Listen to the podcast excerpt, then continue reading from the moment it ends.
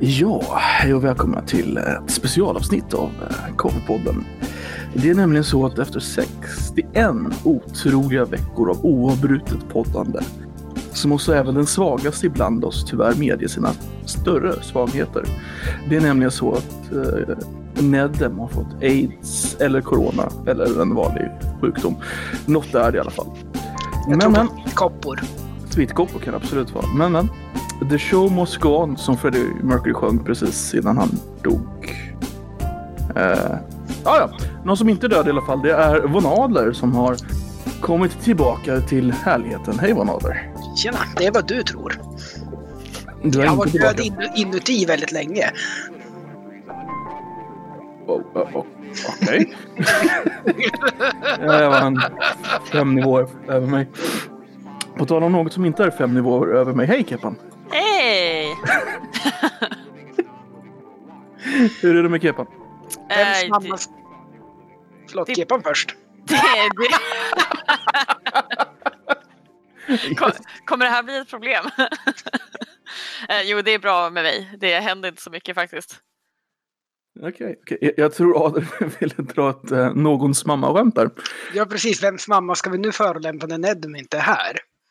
Ja, min mamma håller ni borta ifrån. Hon är väldigt snäll. Och hon brukar lyssna på avsnitten också, vill jag minnas. Hon, ibland gör hon Jo tack, jag håller mig väldigt gärna borta från din mamma. Väldigt långt borta oh. faktiskt. Wow! Ni vet vad de säger om uh, stearinljus va? Nej. Förväntningarna är låga. Nej. Jag fattar inte. det, det är nog bra att du inte förstod. Ja, men vi kan, väl, vi kan väl köra igång lite. Ni är ju lite eh, varandras motsatser, inte bara i kön om jag får vara så brutal. Utan även att Ader är en, en mysig fakta... Ja, det gjorde jag. Jag tog på ditt kön. um, nej, så. En, en, en, man som håller sig i, i, i fakta och, och dåtiden medan Kepan håller sig i framtiden och fiktion höll jag på att säga. Men sin egen verklighet. Du, du, att du redan antar att det är fiktion, du är en av dem. Kepan, det du ska säga är att min verklighet är mycket bättre än din. Jag vet inte om det är det, det är ganska obehagligt om man tänker efter. Kan, kan du beskriva Kepans verklighet? Vad är Kepans verklighet?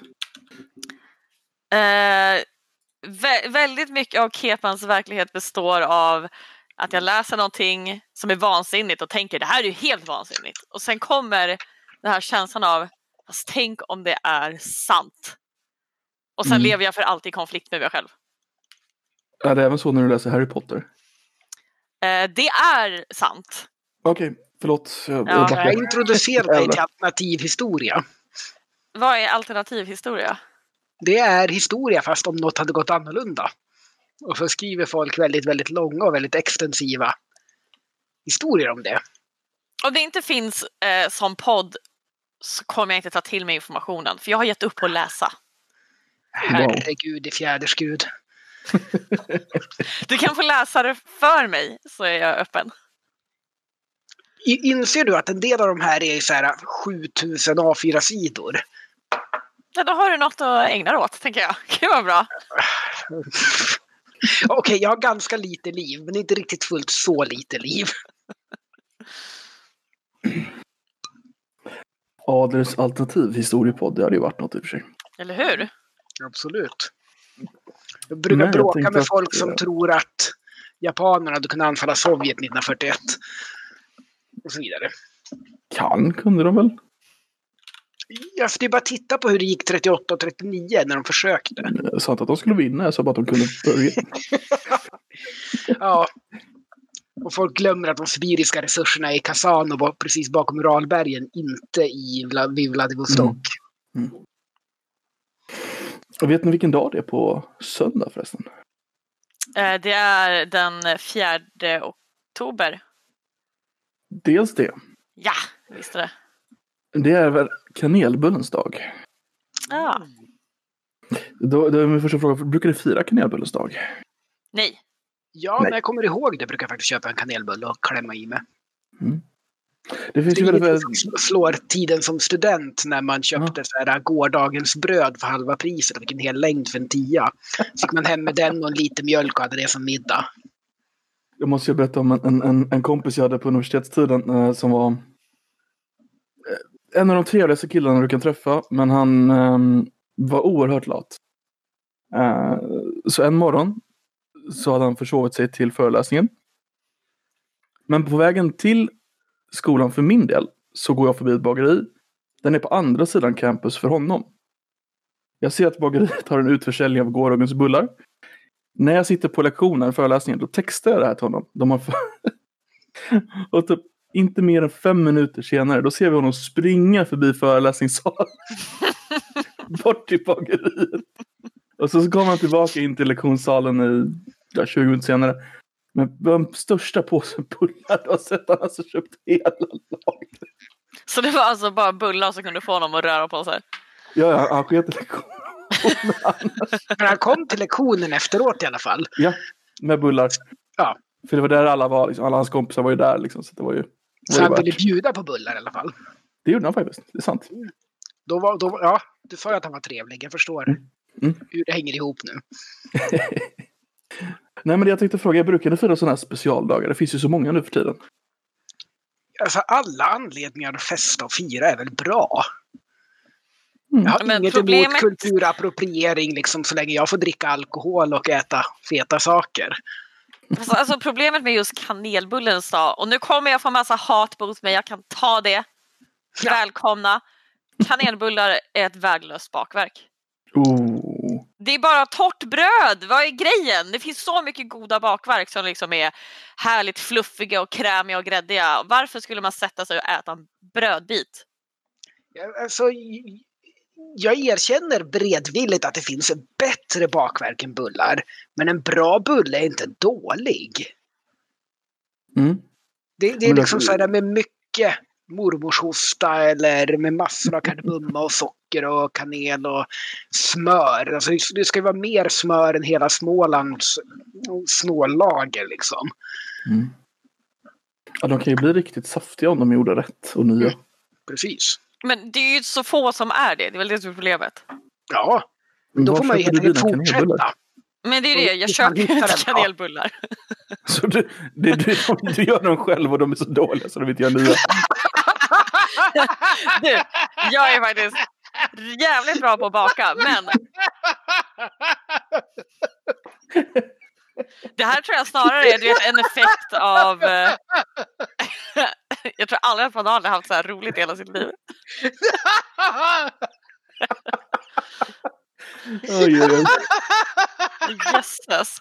Du hade sönder honom. Det roliga är det smittar ju. Herregud. Du är för, för jävla dålig på att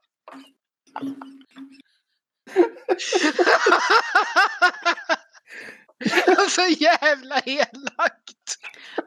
I dagens avsnitt av Koffepodden, von Agnes skrattar i 45 minuter. Första halvan åt skämtet, andra halvan åt din bak.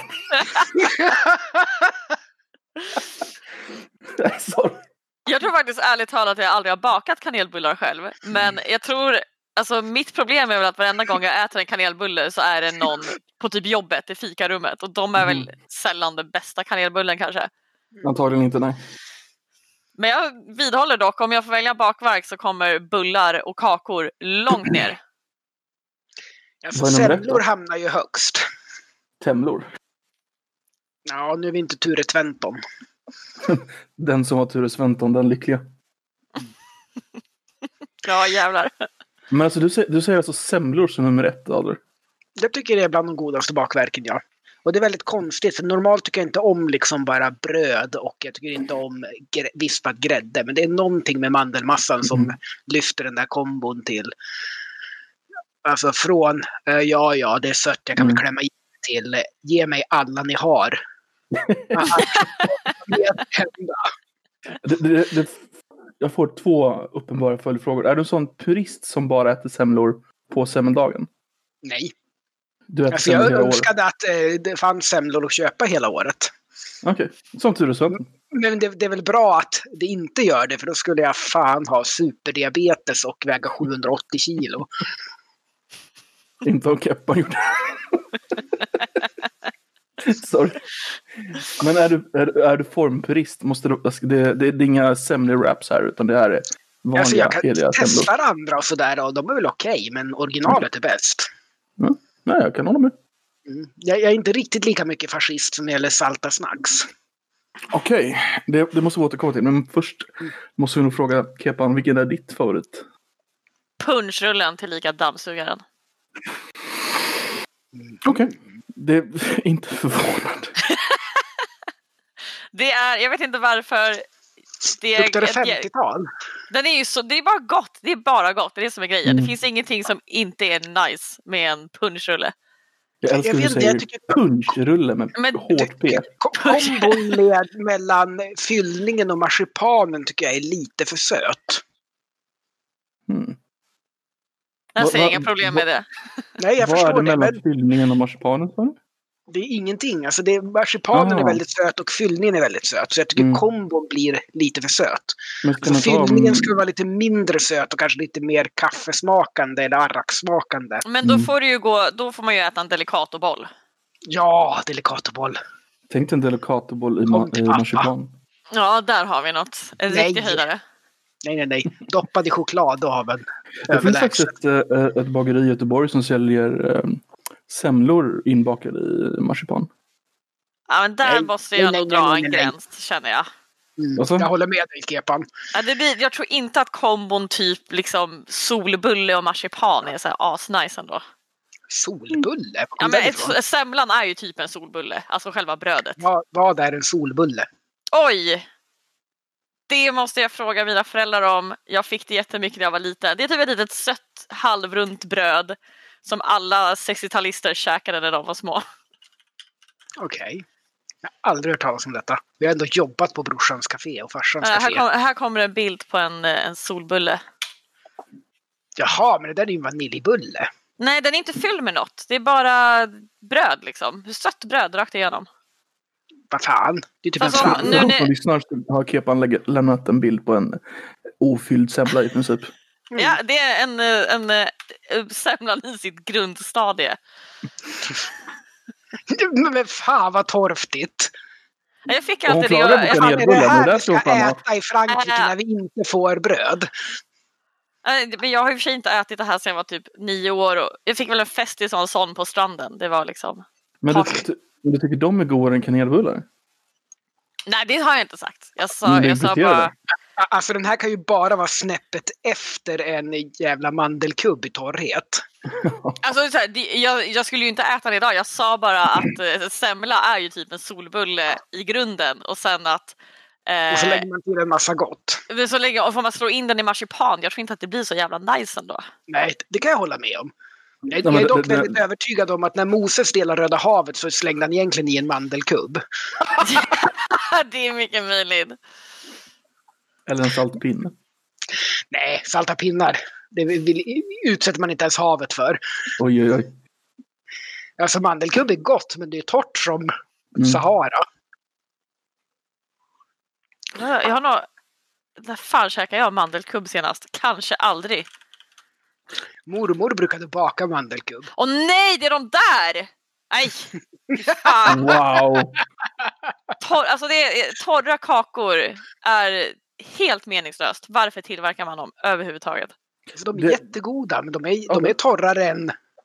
Alltså jag Sara. känner ju, jag får typ ont i tänderna att titta på den där. Det- Nej. Är, är inte mandelkubben en av de sju sorters kakor man skulle baka förr i tiden? Så mandelkubb är ju inte en kaka, det är ett bröd. Okej, Det är alltså mjukt. bakverk skulle jag säga. Men okej. Men om vi ändå nämner sju sorters kakor, vad är sju sorters kakor? Jag har ingen Jo. aning. Det skulle vara hårda kakor. Vet du vad det är? Det är vidrigt, det är vad det är. Nej, nej, nej. nej. Nej, men Alltså det jag har hus i. Jämtland och eh, vi har en tradition, jag och brorsan, när vi kommer dit. Att vi handlar ju på vägen. När vi kommer dit då vrider jag på vattnet och tänder en brasa och brorsan ställer sig och bakar. För när som Mm. helst kan det komma en släkting och då måste det finnas hårt och mjukt kaffebröd. Mm. Annars får man skämmas. Till och med morfars bror då som var ungkar in i fördömelsen hade ju alltid både sockerkaka och ballerinakex ifall de kom på kaffe. Mm. Det ska finnas mjukt och hårt kaffebröd. Ja, Får, det får är man rimligt. välja eller man... Man ställer fram båda. Du, får, ju- du bör väl ta bägge, men du måste inte. Nej, see. Alltså snabb googling på sju sorters kakor så verkar det inte finnas en standard på vilka sju kakor det gäller utan det är en, eh, en bok om bakning där det finns Mm. många olika recept. Fler än 8000 recept skickades in när man skulle göra den här boken. Men det är Bara alla sju hårda kom med. kakor. Ja, men det var, det var ju kutym att man hade sju olika sorters kakor på ett fat typ. eh, Ett tag i övre societeten. Mm. Typ 1800-talet Men alla är hårda kakor. Absolut, absolut. Meningslöst. Det värsta, är, det värsta är om man äter hårda kakor och dessutom då själv tycker att det är för hårt och doppar i sitt kaffe eller te. Så att de liksom tappar sin originalform och samtidigt blir så här vidrigt blötporösa. Mm. Det värsta är när man får upp den men så åker halva ner medan man lyfter den. Så att den liksom sprider ut sig i kaffet därefter. Det är inte gött. Mm, det men det är inte, det, alltså jag eh, kanske, jag vet inte om det här är en kontroversiell åsikt, men folk som doppar bröd och kakor i, i vätska, nej tack. Ja, det är en kontroversiell åsikt. Alltså blött bröd kan ju vara det vidrigaste som finns. Så du har aldrig doppat en kaka i, i kaffet? Eh, Nej, jag förstår inte vitsen.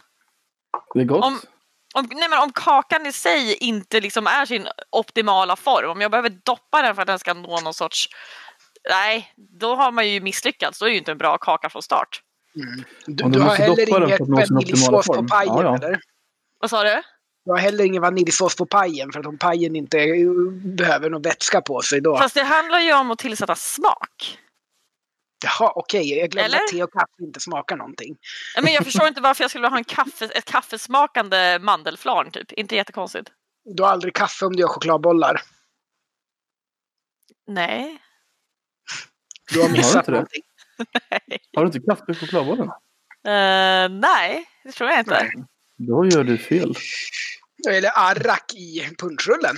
Alltså nu har jag ju inte gjort chokladbollar på väldigt många år så att det är väl... Du, du gör bara punschrullar. Jag, jag har ju faktiskt aldrig ens gjort en egen punschrulle. Herregud. Inte bra det där inte. Jag brukar mest baka tårtor eller cheesecake. Kladdkaka med kokosknäcketäcke, det är grejen det. Och jävlar vilket fint rim! själv. Det där var härligt att höra. Säg det rimmar inte alls. Eller en gång till, få höra rimmet igen. Det var så jävla fint. Kladdkaka med kokosknäcketäcke. Åh, det är ju poesi. Knäcketäcke. Ja, det var fint. Jag hade en, jag hade en liten weird uh, hot take i, i hjärnan som jag inte drog förut med eh, alla de här eh, specialdagarna som vi har nu. Som Adrian så gärna sa, alla ursäkter att fira någonting. Eh, stämmer det att förr i tiden så hade man mycket mer eh, kristna högtider när Sverige var helt kristet. Så att vi hade mycket mer ledighet och anledningar att fira. Så att det här är någon slags sätt att fylla upp det tomrummet som vi har tvingat på oss själva. Alltså katolicismen hade ju betydligt fler helgdagar. Mm. Det var ju många helgondagar. Eh, Samt så att jag, igår till exempel. Jaha, det var därför alla höll på att drabbla om att jag hade namnsdag. Eller alla, två personer. Det kanske är alla du känner, då är det ju alla. Ja, precis. Alla som tycker om mig i alla fall. Oh, vi tycker om det. Mm. Nej, Gud. ni grattade ju inte mig igår. Oj fan, vi påkomma. Imposters. Sus. Väldigt sus. Från något som är suspekt till något annat. Eh, har ni hängt med i, i de nya svängningarna i Estonia-katastrofen? Ja, Alltså jag... jag är så uppe i det där så att jag, blir, jag är upprörd och jag är ledsen och berörd av alltihop. Och jag är ju redan, som den konspirationsteoretiker jag tydligen är, jag har redan köpt in på idén om att Estonia, någonting är fett fuffens där Mm. för länge, länge sedan. Men det har ju alltid varit lite så här, haha, stolligt att, eh, att Mm. tycka det. Ehm, men nu känns det ju som att det faktiskt får sig ett litet lyft här. Att det är väldigt mycket med Estonia som är galet skumt. Ja. Galet skumt. Och det handlar inte bara om det här nya hålet man har hittat i sidan på skrovet. För det är det det handlar om. Att man har gjort nya dykningar och har hittat ett stort hål i sidan som det inte har rapporterats om någonstans. Vem är det som gjort dessa dykningar? Jag, nu kan inte jag det på rakar, men det är ju alltså Dplay eller kanal 5 som håller produktionen Okej. av det här. Så det är ett tv-program helt enkelt? En Det är en, te- det är en gör- dokumentärserie till och med i flera delar. Ehm, och det här hålet man har hittat i skrovet, vad jag har förstått så är det, det finns inte rapporterat någonstans i någon utredning tidigare. Men det är också för stort för att man ska missa det. Alltså det går liksom inte att vara där nere och dyka och inte se det här hålet. Därför det har väl varit dolt av eh, lera innan. Ja, eller är det betong och Mm. sten som man har lagt där med flit? Ja, okej, nu börjar jag. Nu är det dags. Nu kör vi. Ja, så, så den, eh, vill, jag vill minnas att den eh, sjönk sista veckorna inne i bildregleringen. Va?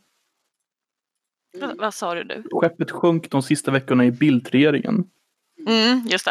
Det var helt och- klart Carl Bildt som sänkte det. ja. Deras sista försök att vinna valet. Nej, Det var väl mest han insåg att han ska förlora valet så måste han straffa svenska folket. Ni Mm. förstår inte det här. Som Reinfeldt, ja varför inte. Men de la ju helt locket på och sen, eh, vad heter han, fotansiktet som tog över efteråt. Han Ing- ju, Ingvar Carlsson va? just det, han kallades fotansiktet. Um.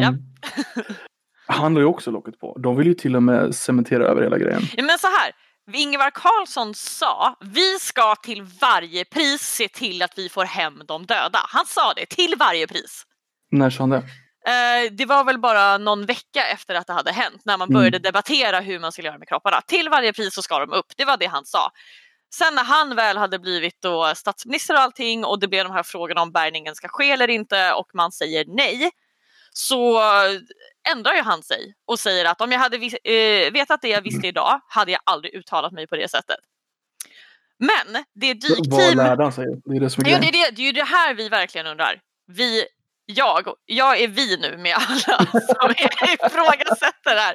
Ehm, det är ju det att de skickade ju ner ett professionellt dykteam. eh, jag tror att det var ungefär en månad efter att skeppet hade sjunkit. Som alltså går ner med, och de är då eh, anlitade av staten för att gå ner och de ska göra ett hål i skrovet, ta sig in, titta i hytterna under bildäck för att se eh, hur många kroppar kan man hitta, vad är stadiet på dem, hur ser det ut? Ehm, och även att kolla då hur ligger båten, är det möjligt att ta upp den? Och de säger liksom att det fanns ingenting som hindrade oss från att ta upp kropparna. Vi hade kunnat ta upp dem där och då. Vårt första dyk när vi gick ner, vi hade redan då kunnat börja plocka upp kropparna. Och vi bedömde också att det är fullt möjligt att bärga fartyget, att ta upp det. Men det var Mm. ingen som var intresserad av det. Nej. Det var ingen som gav dem order uppifrån att det, ja, plocka upp dem. Jaha, är det möjligt? Ja, men ta upp dem då. Ingenting. De ville bara att de skulle gå ner, kolla läget och sen helt plötsligt skulle man hälla cement över hela skiten. Vilket jag heller aldrig gjorde. Vilket man, nej, för det, det är kaos. Eh, och jag, jag tror alltså, ska det vara en konspirationsteori då hade man ju faktiskt lagt pengarna på att täcka över skiten. Jag tror det, det handlar helt enkelt om att 1994 är Sverige i djupaste jävla ekonomiska skiten sen, ja förmodligen eh, eh, 1812 års eh, konkurs. Mm. Eh, och det kostar för mycket. Att ta upp vraket eller ta upp liken. Men Kan man inte sambetalt det med Ja, det är det jag är så tveksam till om det verkligen stämmer. För det fanns ju gott om människor som var villiga att investera i det här eftersom att det var väldigt många andra. Det var ju till och med en man som åkte ut själv och skulle dyka själv och ta upp sin fru, tror jag att det var. Men han blev ju stoppad. Han blev ju stoppad av kustbevakningen. Mm, Och vad tror du om man tar upp tre kroppar eller 40 kroppar och sen inte resten? Fast det här var ju en privatperson som gjorde det. Precis. Men om man låter en person gå in och leta sina kroppar, då blir det fan mig. Alltså, man ska inte glömma hur kollektivistisk svenska staten är. Fast alltså, jag, jag råder alla att först lyssna på Peter Dokumentär om Estoniakatastrofen som har ganska många år på nacken nu och redan då ifrågasätter starkt alla konstigheter som försiggår. Och sen kolla på den här dokumentärserien på Dplay. Finns den ute? Ja, den finns ute. Eh, jag läste faktiskt en konspirationsteori, eller inte en konspirationsteori, men som anser att den officiella sänkningen är eller officiella historien kring sjunkandet är fel. Men att Mm. det inte var något brott eller en sprängning eller en krock eller något sådär. Utan att eh, man, man har ju monterat på de här sidostabilisator, sidostabilisatorerna. Eh, Alltså den- Precis innan. Vingar under vattenytan på sidorna. Som gör att man kan eh, korrigera rullningar och så vidare mycket bättre. De hade Mhm. var första gången man seglade med dem och eh, enligt den här teoretikern då så var de väldigt dåligt monterade och slets av i stormen och lämnade därmed ett stort hål och det var där vattnet kom in. Jaha. För den, de officiell, var- den officiella, officiella förklaringen som kom utav utredningen det är ju att bogvisiret bara bestämde Ja. sig för att trilla av helt plötsligt. Men det stämmer inte heller med händelseförloppet eller hur båten faktiskt sjönk. Någonting jag tycker är lite suspekt, det, det händer ju något världsunikt i, nu på torsdag och fredag. Det är ett extrainsatt EU-toppmöte där inte Sverige tänker vara med utan vi blir representerade av Finland istället. För att Löfven säger sig vara upptagen med någonting precis efter det här hänt. Att det, Vänta, vadå? vad är det för EU-toppmöte till att börja med? Det är Ehm, regeringscheferna som möts. Ja. Så alla regeringschefer i EU ska mötas, men Löfven kommer inte så Finlands regeringschef hoppar in istället. Det är för att eh, det- var ju, blev ju uppskjutet två veckor. Löfven Mm. ska begrava sin mamma och hade ju tänkt att ja, jag kan ta både och. Ja, Men så vi, sköt de upp det Jag två an- veckor för att hamna på hans begravning. jag visste inte det, för jag tänkte att... Ja, jag, jag antar att på, på den begravningen lär väl då en betongbil finnas på plats. För att det är en grå sosse, eller? Nej, men för han, ska väl, han ska väl täcka in det i betong antar jag, för det är väl rimligt att göra med döda Ja, men- kroppar. Man gjorde ju inte det med Estonia, man pratade ju bara om det. Man, man sa att man skulle göra det, det var fastslaget att man skulle göra det. Jag vet Men- faktiskt inte varför man slutligen inte gjorde det, men det var det man sa. Men är den hade det varit en övervakad? konspirationsteori och det hade funnits pengar så hade det varit logiskt att man faktiskt gjorde det. För att Pengar? alla problem. Hur menar alltså, du med jag- pengar? Jag sa ju att pengarna var problemet. Därför bärgar man inte fartyget eller kropparna. Och det, det är därför man heller inte har täckt över det. För att man skulle slippa jävligt mycket besvär om man bara hade täckt över det. Vilka besvär tänker du? De här till exempel. Att folk är nere och filmar och jävlas och så är det uppe igen. Fast ja, det, är ju fort, det finns ju fortfarande väldigt mycket att utreda, det är ju det som är grejen. Det, alltså, det här handlar ju bara om att folk vill ha faktiska svar. Ja. Men vad tror du Om man det hade är? sluppit alla jävla folk som vill ha faktiska svar och vara nere och filmar och har sig och hittar hål och skit. Om Fast man bara finns ju- det finns- betong. Fast folk har ju ifrågasatt Betong det löser här. alla problem. Folk har ju ifrågasatt det här sedan dag betong- ett. Alltså anhöriga har ju ifrågasatt det här. Folk som var på båten och överlevde har ju ifrågasatt det här sedan dag ett.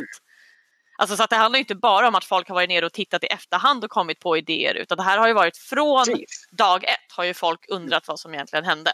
Ja. Men om det hade varit en konspiration och det varit viktigt att dölja det, då hade man ju faktiskt skakat fram pengarna och täckt över skiten med betong. Mm. Fast alltså, Eller? ja. Jag, som sagt, å- jag säger återigen, lyssna på dokumentären och se serien. Så att liksom, att sitta och... Om du inte tänker läsa någon alternativ historia tänker inte jag titta på någon dokumentär. Så. Men vad tror, du att, vad tror du att det kan vara då? Om du istället för att bara säga att det är någonting, vad, vad skulle det vara då? Jag Det har, verkligen, jag, har, jag har faktiskt ingen egen teori. Alltså, det är det som är grejen. Jag eh, vet ju lika lite som alla andra. Jag är bara väldigt, väldigt nyfiken på att faktiskt få rimliga förklaringar på alla frågetecken. Så du har bestämt dig för att det är fuffens, men du vet inte varför det är fuffens? Jag är superfuffens, jag tror inte att båten sjönk av att det var stormigt ute. Jag tror verkligen inte det. Jag tror ju att någon yttre kraft någonstans ifrån har ju stängt båten på 20 minuter. Alltså, Om det det är vore ett- Ryssland så hade de ju sagt till. Hade ryssarna sagt till eller hade Sverige Ja, sagt det hade till? ju Sverige sagt till. Eller hur? Nja, varför då? Ja. Varför skulle vi inte sagt till? Men, 800 döda liksom. Det är... jag tror ju inte att Ryssland bara, det var vi. Vi gjorde det Nej. här. Ryssland skulle Nej, men med tanke på att vi är i slutändan av Bildt-regeringen som faktiskt spelade upp rysskräcken och eh, ökade investeringarna i försvaret. Så hade det varit ett perfekt sätt. Och om Ryssland faktiskt hade sänkt den och vi hade anat det. Med tanke på varje gång det pratas försvarsanslag så upptäcker vi en ubåt någonstans på svenskt vatten så hade nog försvaret använt det här att ryssarna sänker svenska fartyg på internationellt vatten, dödar 800 svenskar. Det är klart vi behöver en stark Mm. flotta, och ett starkt flygvapen och en stark armé för ryssarna är för jävliga. Fast problemet här handlar väl snarare om vad som fanns på båten, att det eventuellt var saker som Sverige inte hade någon business att ha och att ryssarna i så fall, om nu teorin är att ryssarna sänkte båten, att de sänker båten för att Alltså så här, hej hå, sluta smuggla skit som egentligen tillhör Ryssland. Att det, Sverige har ju inte rent mjöl i påsen, därför går man inte ut med det. Alltså om Ryssland får reda på att i Estland finns för detta ryska säkerhetsgrejer som är, då är de över tre år gamla, för Ryssland lämnade ju trots allt Estland 1991. Eh, och de inte har gjort något åt det här eh, när det ligger ett lager i Tallinn eller på lastbilen som kör ombord med det eller något sådär. Utan istället sänker ett helt, en hel jävla passagerarfärja med potential att kunna vara en absolut fullständig katastrof PR-mässigt. Det är en sak om de spränger en container i eh, Tallinns containerhamn och då blir upptäckta för det. Och det dör tre personer. Eller de sänker ett passagerarfärja och dör 800 personer. Alltså, det förefaller mig väldigt dumt att göra det när den är ombord på färjan istället för när den ligger i en container i hamnen. Men det finns ingenting som heller säger att det här var den önskade utgången. Det kan ju lika gärna Okej. ha varit en fuck-up någonstans. Alltså, Okej, så att eh, de, de vill hindra Sverige från att få den här hemliga militära Men lasten. nu är ifrågasätter, du mig, nu ifrågasätter du mig som att jag har gett dig en fullständig teori, vilket jag inte har. Så du kan fortsätta Mm. ifrågasätta och jag kommer inte kunna svara oavsett vad du säger. Så enkelt är Nej, det. precis. Och då kör vi lite Occam's Razor här tycker jag. Liksom att har man Men inte en vänta, förklaring vänta, man varför försöker du köra en över mig just nu? Jag förstår inte vad, vad, vad det är du argumenterar emot. Det det jag argumenterar emot att du påstår att Ryssland skulle kunna ha gjort det här för att det var... Jag påstår ingenting. Jag har återigen, jag har hela tiden sagt, jag påstår ingenting. Jag sa, Mm. om vi nu skulle anta att det här var teorin. Jag har inte Det- påstått någonting från min sida överhuvudtaget. Det var jag som nämnde Ryssland får jag väl säga. Ja, Men ja, det... Ehm, så var det med den. Vi, vi, vi jag kan inte veta In conclusion, Adler har rätt och vet allt som vanligt, I guess. Så lämnar vi det ämnet. ja, det låter alldeles utmärkt tycker jag. Nej, men alltså vi, vi kan inte veta helt enkelt just nu. Eller? Det är väl det, det rimligaste. Alltså, jag håller mig till att går det att lösa på ett enklare problem än en massiv konspiration så har folk Mm. förmodligen löst det på ett enklare vis. Vi får ju hoppas att det inte är någon jävla ryss bakom i alla fall. Men, men eh, såg ni... eh, nej, det antar jag att ni inte gjorde, men det var ju en politisk debatt i USA i natt. Jag har Mm. sett och hört eh, det sämsta ur den, I guess. Det, så har du sett hela? Nej, ja eller hur. Nej men tydligen behövde man väl inte se hela för att den var rätt Nej. pinsam. Um, det var så... Jag höll på att säga George Bush, men det var andra tider det. det var Donald Trump mot Biden. Um, vilka grejer. Har du sett den Adler? Nej. Ingenting? Alltså, eh, ungefär fyra sekunder från giffar. det är fantastiskt hur, snabbt allting blir memes. Mhm. Nej, men det, det, det sägs ju vara den sämsta debatten i, i amerikansk politisk historia. Men det var väl inte ens en debatt, det var ju bara Trump som stod och skrek i en Typ. timme. I princip, han avbröt honom hela tiden. Ja. Vem, vem skulle ni säga är Sveriges Trump? Bert Karlsson. De är lite lika. Ja, alltså, jag är böjd att hålla med dig där faktiskt. Jag kan inte komma på en annan person som är Nej, mer Trumpig. Fast Bert Karlsson är ju ändå en ganska slipad affärsman. Det är ju inte Trump. Fast någonstans är han väl ändå det. Annars hade han väl inte tjänat så mycket som han Men det har han ju inte. Han har ju fått använda sitt eget goda namn för att få lån på över en miljard dollar som ska betalas de närmsta två åren.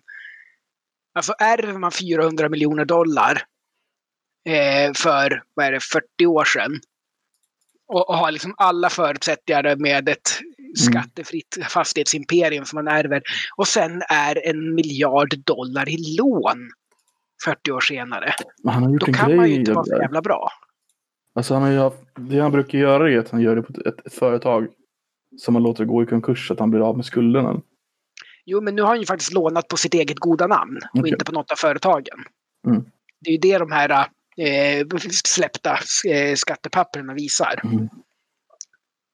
Han är ju bra förhandlare måste ju ändå vara, för att ha lyckats låna så mycket. Ja, han har ju varit tvungen att gå till Ryssland och Deutsche Bank. Ingen annan lånar honom med pengar. Deutsche Bank måste väl vara... Det är väl inte Mm. världens sämsta bank direkt. Alltså de är ju kända för att det är de som tvättar pengarna åt ryska maffian. Oh, I see. Tror, tror du att uh, Bert Karlsson hade sagt nej till rysspengar då? Det beror väl på lite grann. Jag, jag tror Bert Karlsson eh, fattar att det kommer krokar med den här smaskiga pengasumman. Och inte biter.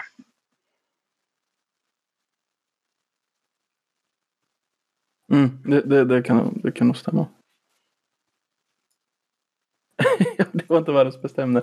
Um, Alltså, ja. Ja. Har du någon konspiration, Kepan, kring det här? Kring eh, vem? Trump och hans pengar. Nej, nej, jag kan ingenting om han och hans pengar. Varje gång jag ser honom blir jag förbannad. Så, Mm. så eh, nej, jag är inte så påläst om Trump överhuvudtaget för han förtjänar inte min tid. Men rysk elektronisk krigföringsutrustning ombord på St- eh, Estonia. Det var Där. du som sa, inte jag. hade, de, um, hade de liknande konspirationsteorier om uh, Titanic på den tiden? Det finns en konspirationsteori om Titanic, ja. Att det var Olympic som sjönk. Ja, precis. Att det fanns ett systerfartyg som eh, man bytte ut för att det var redan skadat och man fick inte ut några försäkringspengar på det. Mm. Så man valde att eh, måla om det, skriva Titanic, skicka ut det, låta det sjunka. Titanic fick byta namn till Olympic och segla vidare. Typ så. Då skulle man bara döda, jag vet inte hur många det var som dog på Titanic. Jag kommer inte- 1502. Är det 1502? Ja. Det där är weird att du kunde det. Men okej. Jag var väldigt fascinerad av Titanic när jag var mina yngre tonår och läste på väldigt mycket. Och av någon anledning har jag väldigt bra minne för siffror. Nice. Eh, du vet att det finns ett, eh, ett um, att de har gjort en 3D-version av Titanic som du kan gå runt i i Unreal 4-motorn. Som är helt gratis att ladda ner. Känner till. Det finns även en jätte, jättebra sida med eh, däckplaner och eh, du kan trycka på varje hytt och se vem det var som bodde där, om de levde, överlevde eller inte. Ah, okej. Men det är ju liksom det här idén om att de ska bygga en replika av Titanic och segla. Det har ju kommit upp ända sedan filmen liksom, så kommer det Mm. ungefär var tredje år att nu kommer de bygga en. Och det är ju bara skitsnack för standarden var väldigt hög för den tiden men väldigt låg nu- nu. Alltså, det var bara fem första klasshytter, eller förlåt sex första klasshytter som hade egen toalett. Oj. Men dessutom var väl Titanic med moderna mått mätt en ganska liten båt.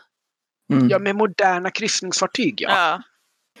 Men alltså Nej, det, men det, den hade med samma kapacitet som moderna, men det var ju för att det var mycket, mycket mindre hytter.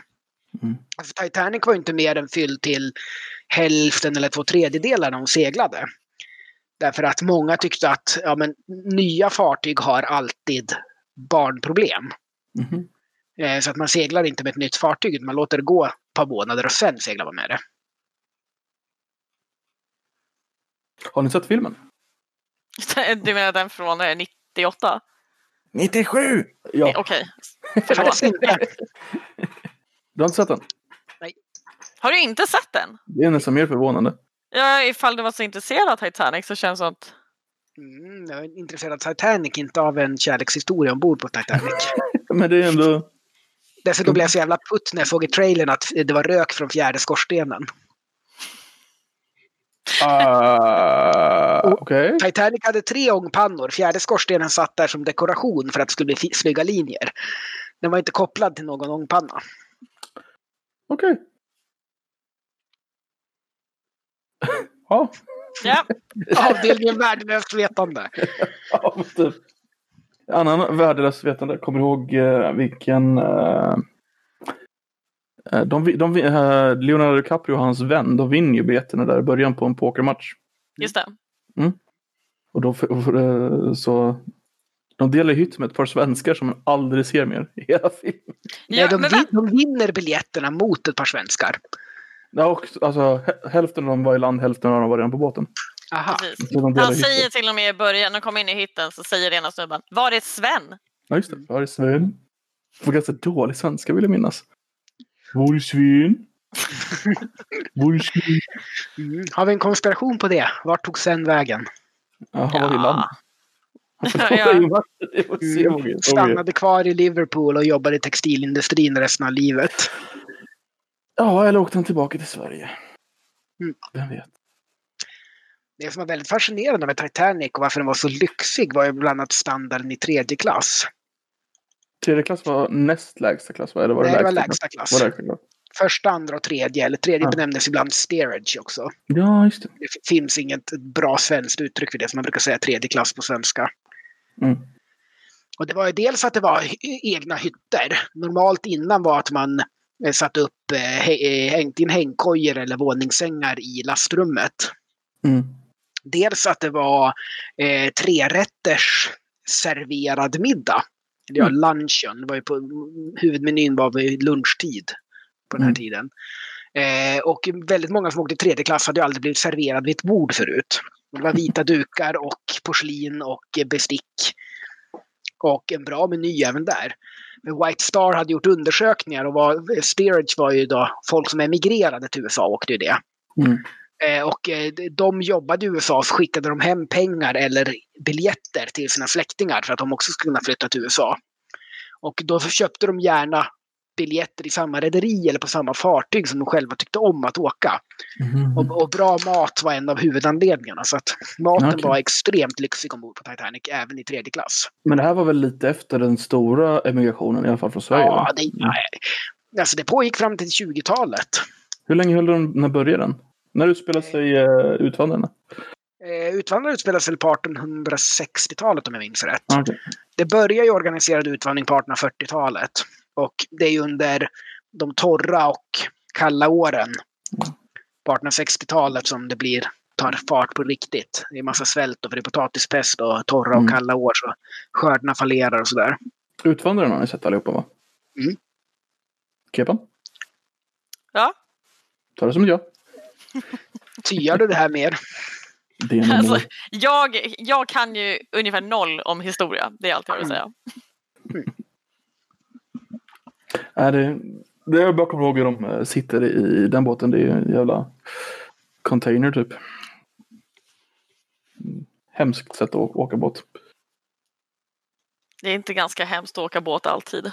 Nej men om du åker tredje klass på 1860-talet så är det ganska hemskt. Har, har du åkt i billigaste hytterna på typ Silja Line? Det är inte så jävla mysigt heller. Jag har Men alltså, man, man tillbringar ungefär fem medvetna minuter i hytten. Nej, du har inte varit på sjöslaget har jag. Nej, faktiskt inte. De ville ha med mig flera gånger. Jag hade ju overall och jag kapsade sådär, men ja, det kände att redan då var jag lite för borgerlig och fin för sådana aktiviteter. Där är man ju, där festar man ju i liksom hytterna. Mm. St- Ställer upp dörren och så har man fäst i sin hytt och sen går man liksom från hytt till hytt och röjer. Mm. En jag, jag menar man beter sig ansvarsfullt. right. Det var det jag eh, menade. En av de få vanliga resenärerna när det är sjöslaget. Så bara öppnar dörren och ser Det, det händer ju. Ja. Det är ju många som, alltså de, folk åker enkel väg över eh, Mm. framför allt. Och det, det brukar vara lite obekvämt för dem. Ja, jag kan förstå det. Vad åkte ni med för roliga, eh, gjorde, gjorde ni några andra roliga studentupptåg eller så här bortomresor? Um, universitet har ju någon stor grej där de Alltså jag alla. var inte med på någon annan än Sjöslaget men jag gick på Linköpings universitet och de hade en årlig skidresa Mm. Ehm, till Alperna. Eh, en årlig Ullaredresa Åh fy fan. till Ullared. Jaha, till Ullared. till Ullared. Eh, det är typ de, Fast eh, komma något som du ihåg. fortfarande gör, jag förstår. det, jag har gjort det en enda gång i hela mitt liv. Ja, vi for till Brännbollsyran i Umeå. Mm, nice. Ja, vi tog oss aldrig så långt norrut tror jag. Nej, Linköping är ju liksom... Alltså, sorgligt men sant. Alltså, Östergötland är... Har den absolut fulaste dialekten i världshistorien. Absolut. Hur låter Det är den? sådär... Nej, jag vägrar ens försöka repetera den. Man tappar 30 IQ-poäng när man gör det. Alltså, Minst. den, är, den är ju släpig och lite gäll på samma gång. Gnällig, otrevlig, ful, äcklig. Ja men till exempel, jag var inne på Subway i Linköping och snubben i kön eh, framför mig då skulle beställa en steak and cheese. Liksom. Mm. Och han går fram och säger, ja ah, jag vill ha en sån stick and cheese. Det är liksom, där har du östgötska. Mm. Stick and cheese. Cheese, du måste liksom Cheese. få in ett i efter varje e och ä för att få till en riktigt bra. Ja, där har du något. Cheese. Mm, och det, det är ju sådär, för brorsan brukar ju säga det att det är det minst sexiga språk, minst sexiga dialekten i världen. Kan du tänka liksom östgötska så här, alltså, daskar man till rumpan och vem är din pappa? Det vill man helst inte veta. Nej, verkligen inte. Jag tänkte norska. Det är farskgubben din. Jag tänkte vi skulle penetrera lite. Böjer dig framåt. Nu kör vi gummen. Åh herregud. Alltså, Hur- jag Hur får de faktiskt- till nya norrmän? När, när min eh, gammelfarfar dog så var det faktiskt en norsk präst på begravningen och det var så himla dåligt för han lät så glad. Alltså, han var alldeles för munter för att stå och Mm. prata på en begravning. Ja, norr, norrmännen kan inte vara ledsna liksom, i sin dialekt. Nej, men framförallt inte när ordet lugn dessutom heter rolig. Alltså, Ja, just det. Ja, men det, det är ju inte så konstigt. Alltså det, så var det på svenska också. Det har ju bara orolig. Mm. Är motsatsen mot lugn på svenska. Just det.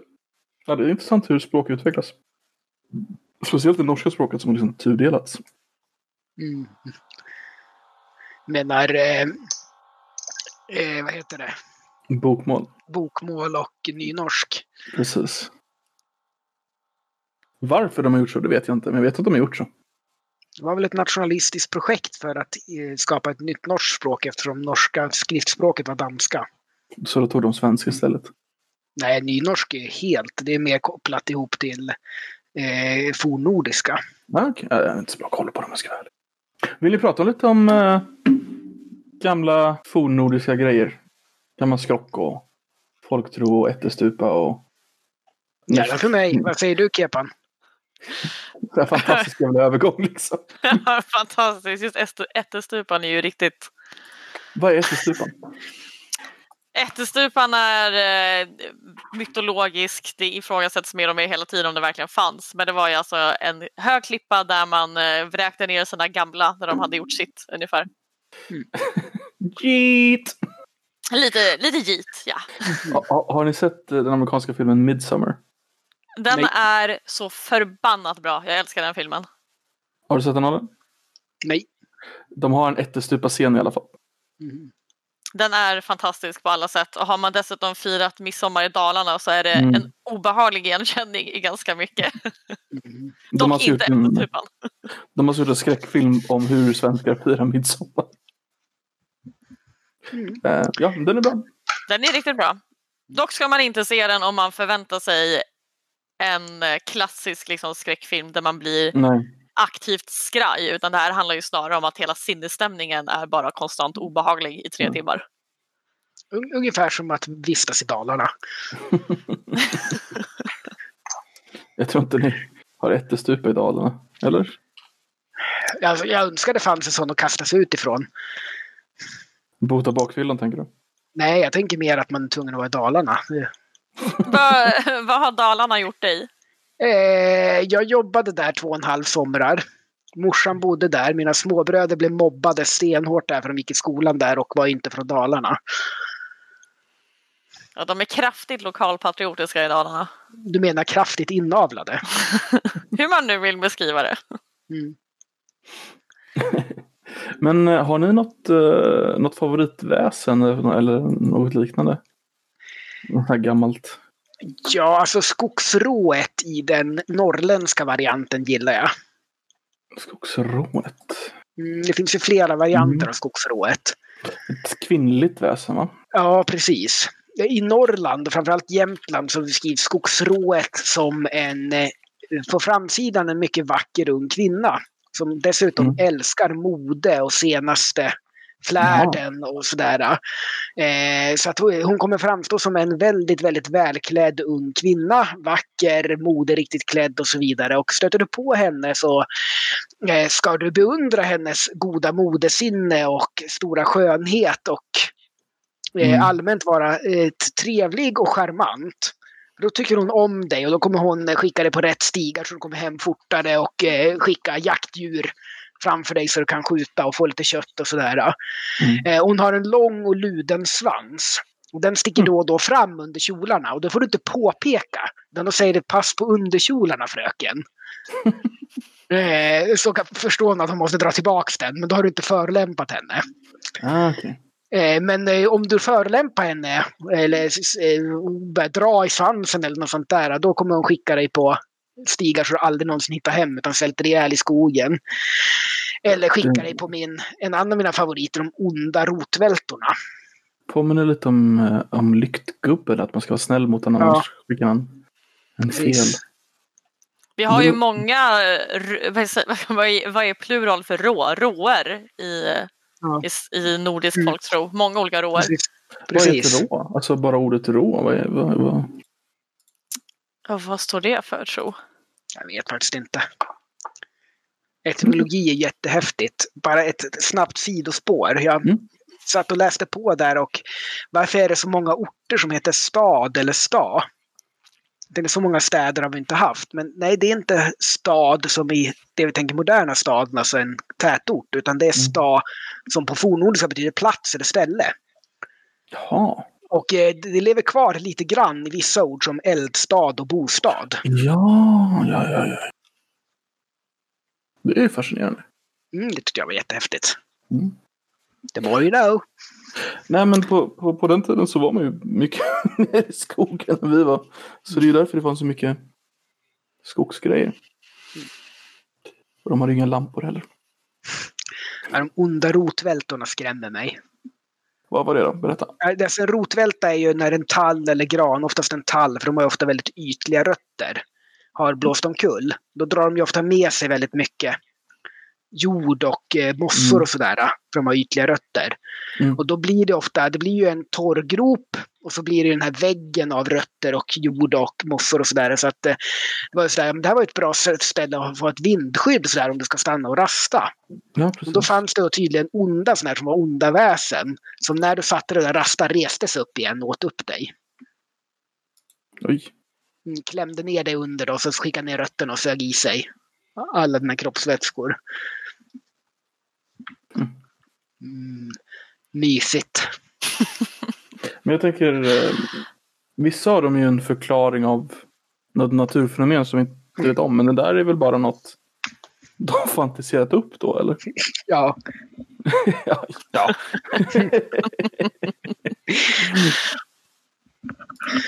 nej, det, det är väl mycket sådär att du inte ska eh, stanna. Om, om du har gått Mm. vilse i skogen ska du inte stanna och gå och lägga dig eller något sådär för då fryser du ihjäl. Ja, det är klart, det är klart. Så att det är väl därför man har varnat för sånt. Ungefär som att Näcken finns ju inte heller, men man ska inte gå eh, bada i en strömmande fors. Näcken måste ju vara den som är mest känd i dagsläget. Mm. Kan du inte bara berätta vad Näcken var? Det är ju fan fascinerande. Alltså det finns ju flera varianter där också. Precis som Kepan säger, det finns flera skogsrår, det finns flera Näcken. Och eh, den vi tänker på det är ju strömkaren som sitter naken med en fiol i strömmen och lockar folk dit så de drunknar. Mm. Men en del, i en del versioner så är han ju en demon som kommer som spelman till fester. Och spelar så folk inte kan sluta dansa, så att de dansar tills de dör för att de är syndaktiga och Oj. festar. Det som dör av utmattning, de kan inte sluta dansa. På tal om att inte kunna sluta dansa, det är lite ett sidospår nu. Men ehm, under depressionen i, i USA så var ju eh, maratondansande en grej. Då eh, folk som hade danslokaler eh, inte kunde fylla dem med vanliga dansare så de fyllde dem med, med tävlande som skulle då dansa. Och den som föll sist eh, vann helt enkelt. Och det, det kunde pågå i, i, i veckor för de fick eh, en timmes sömn varje natt. Så ett vanligt rave då. Det finns en väldigt bra film med vad heter hon? Jane, Jane Fonda faktiskt. Eh, från 70-talet. Som heter They Shoot Horses, Don't They? eh, implikation att det skulle vara mer humant än att tvingas dansa till sin eh, livs. Ja. Mhm. Och tydligen så pass vanligt då. Så det fascinerande. Har du någon favorit? Eh, äh, bra, bra, eller något sånt där? Alltså jag, jag, jag gillar den klassiska bortbytingen ändå. Vad är en bortbyting? Alltså en bortbyting är ju ehm, det är lite, kom- finns lite olika bakgrunder till det men i Sverige är det ganska vanligt att ens barn har blivit utbytt eh, till exempel eh, med en trollunge istället eller liknande. Mm. Så att trollen har varit då under natten och tagit din bebis och lagt dit en trollbebis. Ehm, och eh, jag antar väl att förklaringen till det här är typ små barn med kolik eller liknande som är orimliga och omöjliga att hantera. Så det måste vara Mm. bortbyting. Det här kan inte vara mitt barn. Liksom.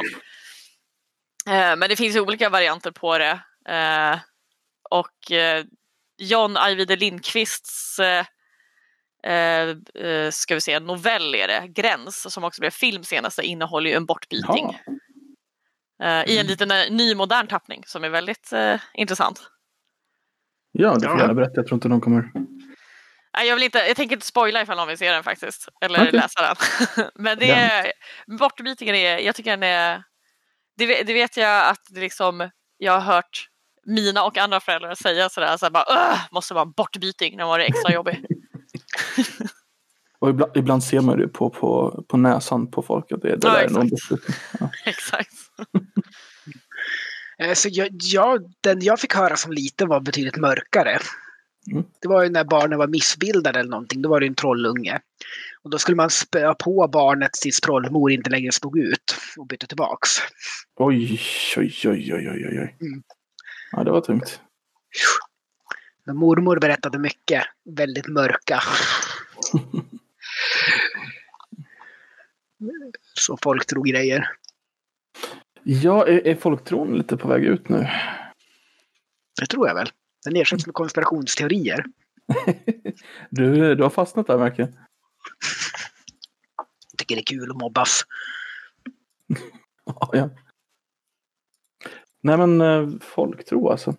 Men det kommer efter asatron va? Alltså det måste ju vara... Det är ingen direkt... De står i konflikt så att säga. Eh, Alltså ser man det historiskt så eh, morfar ju de lägre delarna av asatron in i folktro. Kan du ge några exempel? Eh, alltså du har ju många av väsen, till exempel alver och troll, kommer ju från asatron. Mm. Och eh, alverna går ju över till att bli bergstroll. Du har ju de vackra bergstrollen och de fula bergstrollen. Jaha. Eh, för, för att du har ju de här klassiska, vad heter barn, eh, barnboksillustratören igen? Bauer. Bauer, tack. De klassiska Bauer-trollen som är de här äh, fula bergstrollen som är baserade på jättarna och trollen Mm. i fornnordisk mytologi. Och sen har du alverna då som är de här onda eteriska varelserna. Mm. Som är de vackra bergstrollen. Just det. Och du har ju till exempel, om ni har hört sången Herr Mannelig. Ja, den är väldigt Mm, vacker. och det är ett vackert bergatroll och det är de här bergatrollen som förbannar och förvirrar. Och, eh, eh, men även eh, herr Olof Mm. som är som en riddare som eh, eh, går till havsfrun och det är ju ett ont bergatroll. Kan rekommendera här Mannelig eh, av Garmarna, den versionen. Den tycker jag är Mm. väldigt vacker. För någon Jag som som... lyssnade på Garmarna. Hen? Jag har faktiskt en gång supit med sångerskan ur Triakel och du, sj- sjungit snapsvisor så dåligt att hon tyckte det var roligt att festa med studenter för de sjöng fast de var dåliga. och, sen, och sen bör- börjar hon mobba dig för dina konspirationsteorier. nej, nej, nej. Jag tror vi alla blev för fulla för någon som helst mobbing. Ja. Men Får jag fråga en liten uh, udda sak? Vi, vi pratade om uh, studentspex och sånt förut, eller hur? Ja. det var jävla långt där. Minnet är jag bra men kort. komma jag trodde det skulle komma något mer där så jag tänkte jag håller käften så jag inte avbryter dig. Nej, det är lugnt. Det är lugnt. Men eh, ganska talande. Ha, har ni, det var ju ett tag sedan, eller hur? Det, det, det är ju inte förra veckan direkt. Um, Har ni, har ni börjat uppleva någon åldersnoja själva? Nej. Alltså, ni- ni ska få, jag ska skicka en bild här. Ja. Tyvärr kan den inte visas på podden, men den illustrerar ganska tydligt hur gammal jag är och hur gammal jag har varit hela jävla livet. Hur gammal du varit? Eh, ska bara hitta igen fanskapet. Adel länkar nu en selfie. Nej. Nej, det är någon annan som har tagit bilden. Det är eh, på den tiden det inte fanns mobilkameror. Jag är en gammal person, vet ni. Ja, det- det, var ett jävla tag sedan. Det var, när, när kom första mobilkameran? Då var det... Typ 2003. Ja. Nej, det fanns väl kameror i... Ja, för sig 2003 och sånt borde det vara. Det har du rätt i. Nej, Men, tänker nu, nu pratar vi alltså 80-tal. När Adler var ung och fräsch. När du var ung och fräsch, hur gammal är du? Eh, jag är 41. 80-talet var du, det, alltså. Då var du ju knappt född. Ja. Född 79. Så att det här är en bild som visar hur gammal jag var redan från början. Okej. Ding, ding. Eh, förbannat. Eh,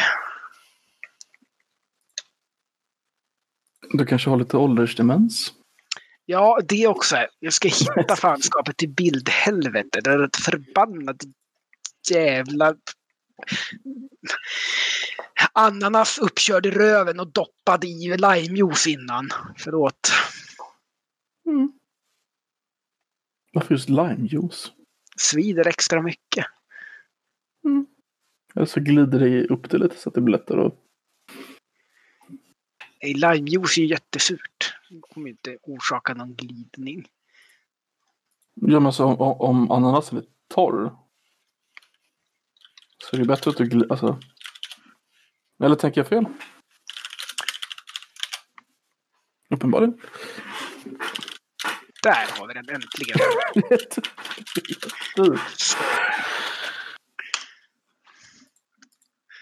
Varsågoda. Oj, vi ser alltså en bild på Adler i eh, någon form av marschuniform. eh, jag måste vara fem, sex år gammal där. Och jag har då s- eh, 80-tals stilrena röda plyschbyxor och röd eh, T-tröja. Långärmad tröja med krage. Och så har jag tagit morfars eh, morgonrocksband eh, band och gjort det till officerskoppel. Och så morfars eh, chaufförsmössa från den gången tiden när han var busschaufför. Mhm. Och så har jag ett skohorn som officerskäpp, redo att kommendera legosoldater in i döden. Så att man kan tydligt se på bilden att jag var gammal även i den åldern. Så att någon åldersnoja behöver jag inte ha. Du har haft ungdomsnoja kanske? Precis. Kan jag inte få bli gammal och få skägg snart? Ja, det var vackert. Det...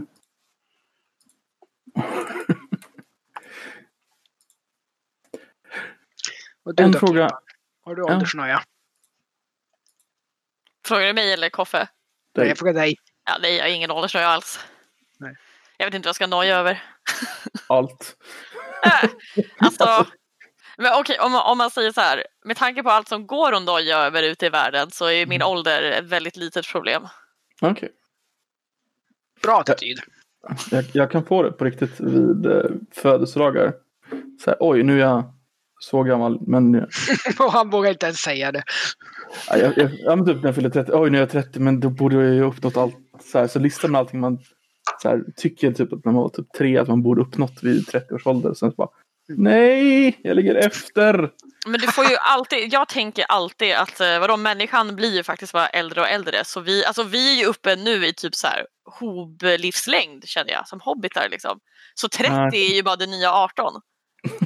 Alltså det värsta var just 30. För jag hade så här, hela 20-årsåldern när jag fick den äh, åldersnojan. Då tänkte jag, ja men Jesus gjorde ingenting för han var 30. Det står i Bibeln. Så man kan chilla lite innan 30. Och sen bara, fan jag är 30. Vad ska jag göra nu då? Oj, kul. start, jag har inte ens startat en religion. Fy Nej, fan precis. alltså. Nej, det är dåligt. Det är riktigt dåligt. Ja, för Jag hoppas ju att den här podden blir religion. Alltså det, Men jag älskar ju att fylla år också så jag har inga problem med att fylla år. Jag tycker bara det är kul. du vill bara vara i center of attention. Jag vill, jag vill, bara, jag vill bara kunna äta tårta till frukost utan att någon dömer mig. Vad äter du för tårta då? Eh, den största som jag kan hitta.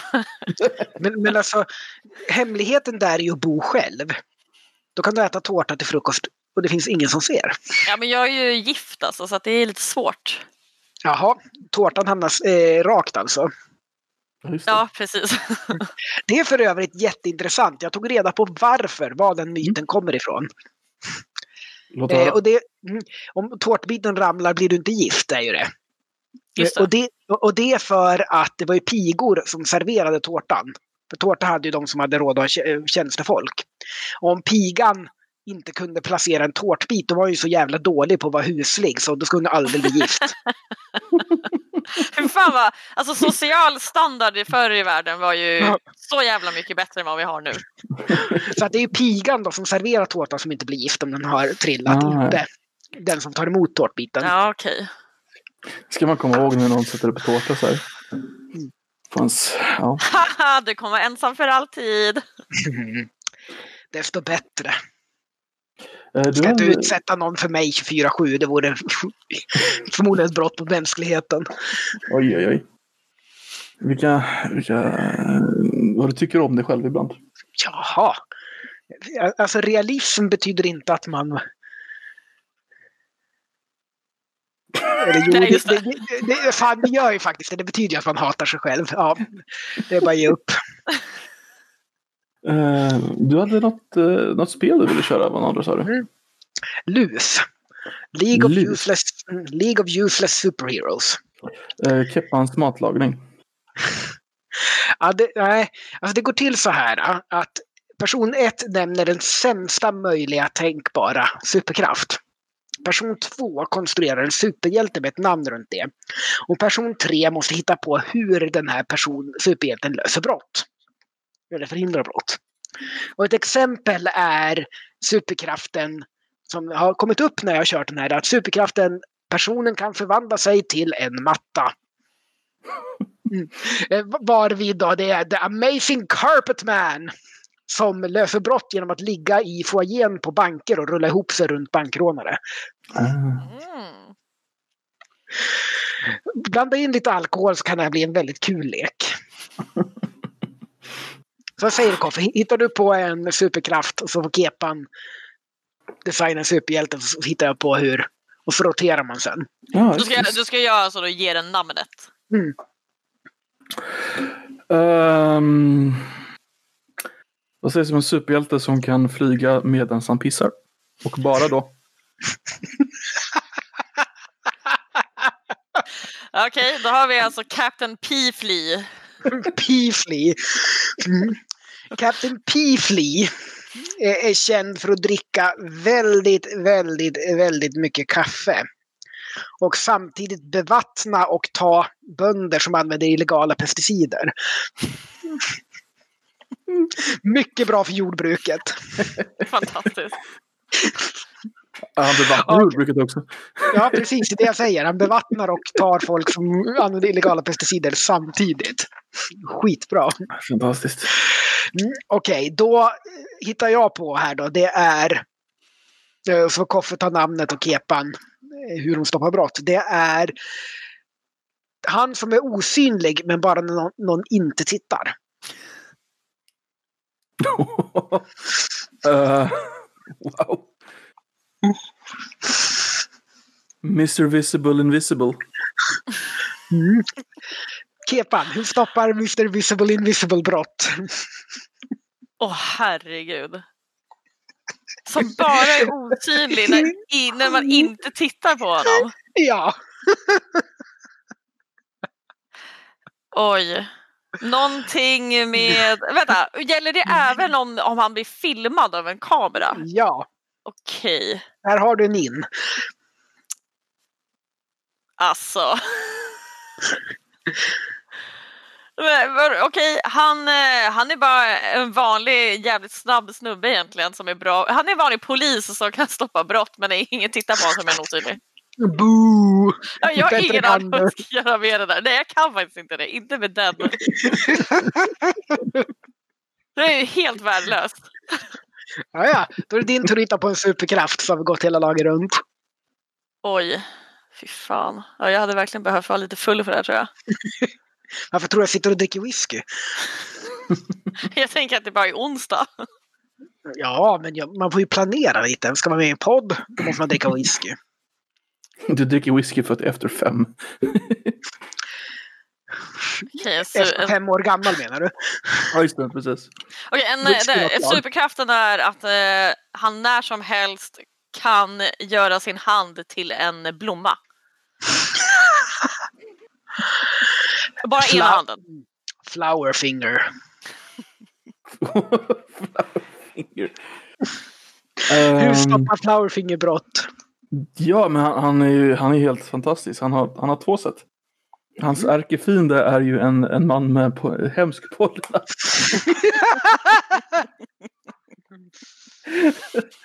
Så han står och sprutar pollen på honom. Och sen så får han massa ledtrådar genom att alla, alla kvinnor på stan vet att han alltid kan ge dem en blomma. Så han går runt och ger dem en blomma. Men ger, ger han dem hela sin hand då? han, han tar tillbaka den. Nej. Men de tror att han, han är så snabb med fingrarna så de tror att han får den. Så bara, medan han går så drar han tillbaka den. Ja. It's amazing flower finger. So popular among the ladies. Underbart. Det här är ett jätteroligt spel att köra. Efter några öl in på puben. Då, har- då har vi något att rekommendera folk att göra i, i hemläxa till nästa avsnitt. Hur, hur kollar vi den hemläxan? Ja, de får ringa in. Har vi ett sånt alternativ nu? Ja, de får ringa in till podden äh, via Discord. Okej, ja, gör det. Gör det. Någon gång under inspelningen så öppnar du kanalen för allmänheten. För att komma in och ställa frågor. Fan vad kul det vore. Jag har funderat på det. Att ha en sån här livesändning någon gång.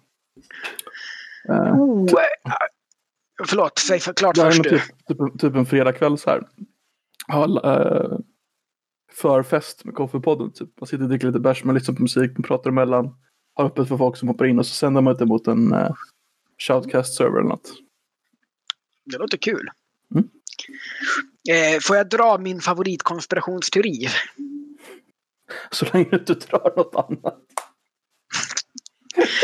Åh, vad dåligt. Kör. Ska jag bara liksom...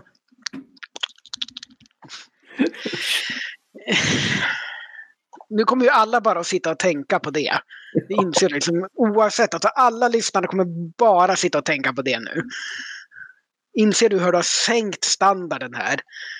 Och alla andra kommer ha penisavund mot mig.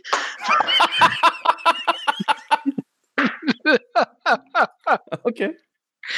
Ja. Jag har en kompis som tycker om konspirationsteorier och när det är någonting relaterat till historia brukar han slänga dem på mig.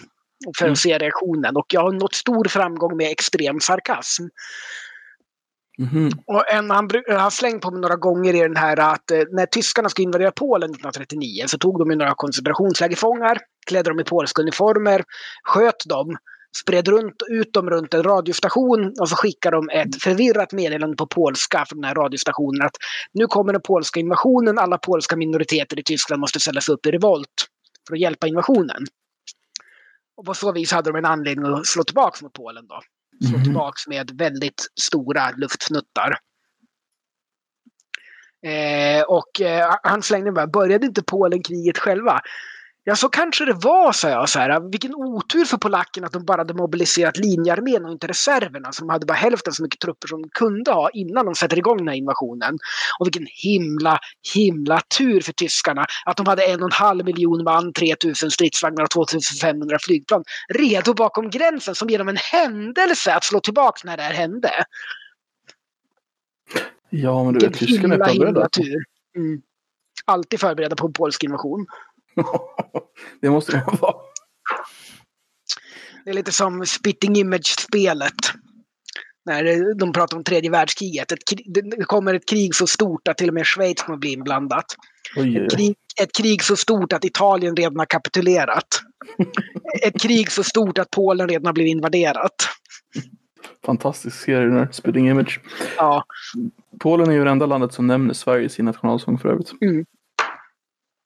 Varför?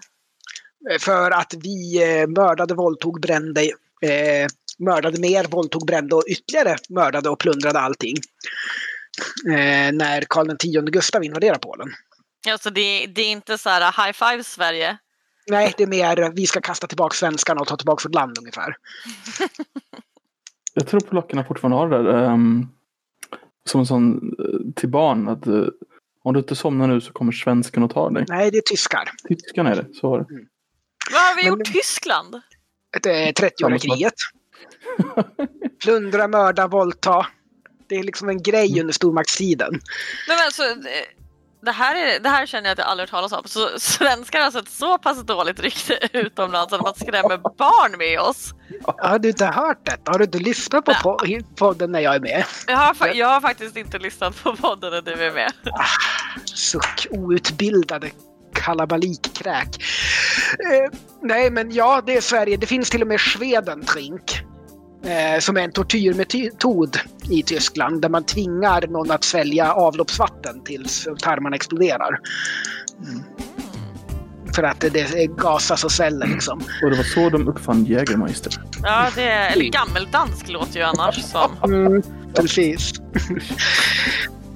Nej, men allting fint och kulturellt i Sverige kommer ju från när vi plundrade Prag 1648 och Warszawa 1656. Copernicus handskrifter, Silverbibeln, Djävulsbibeln. Plundrat!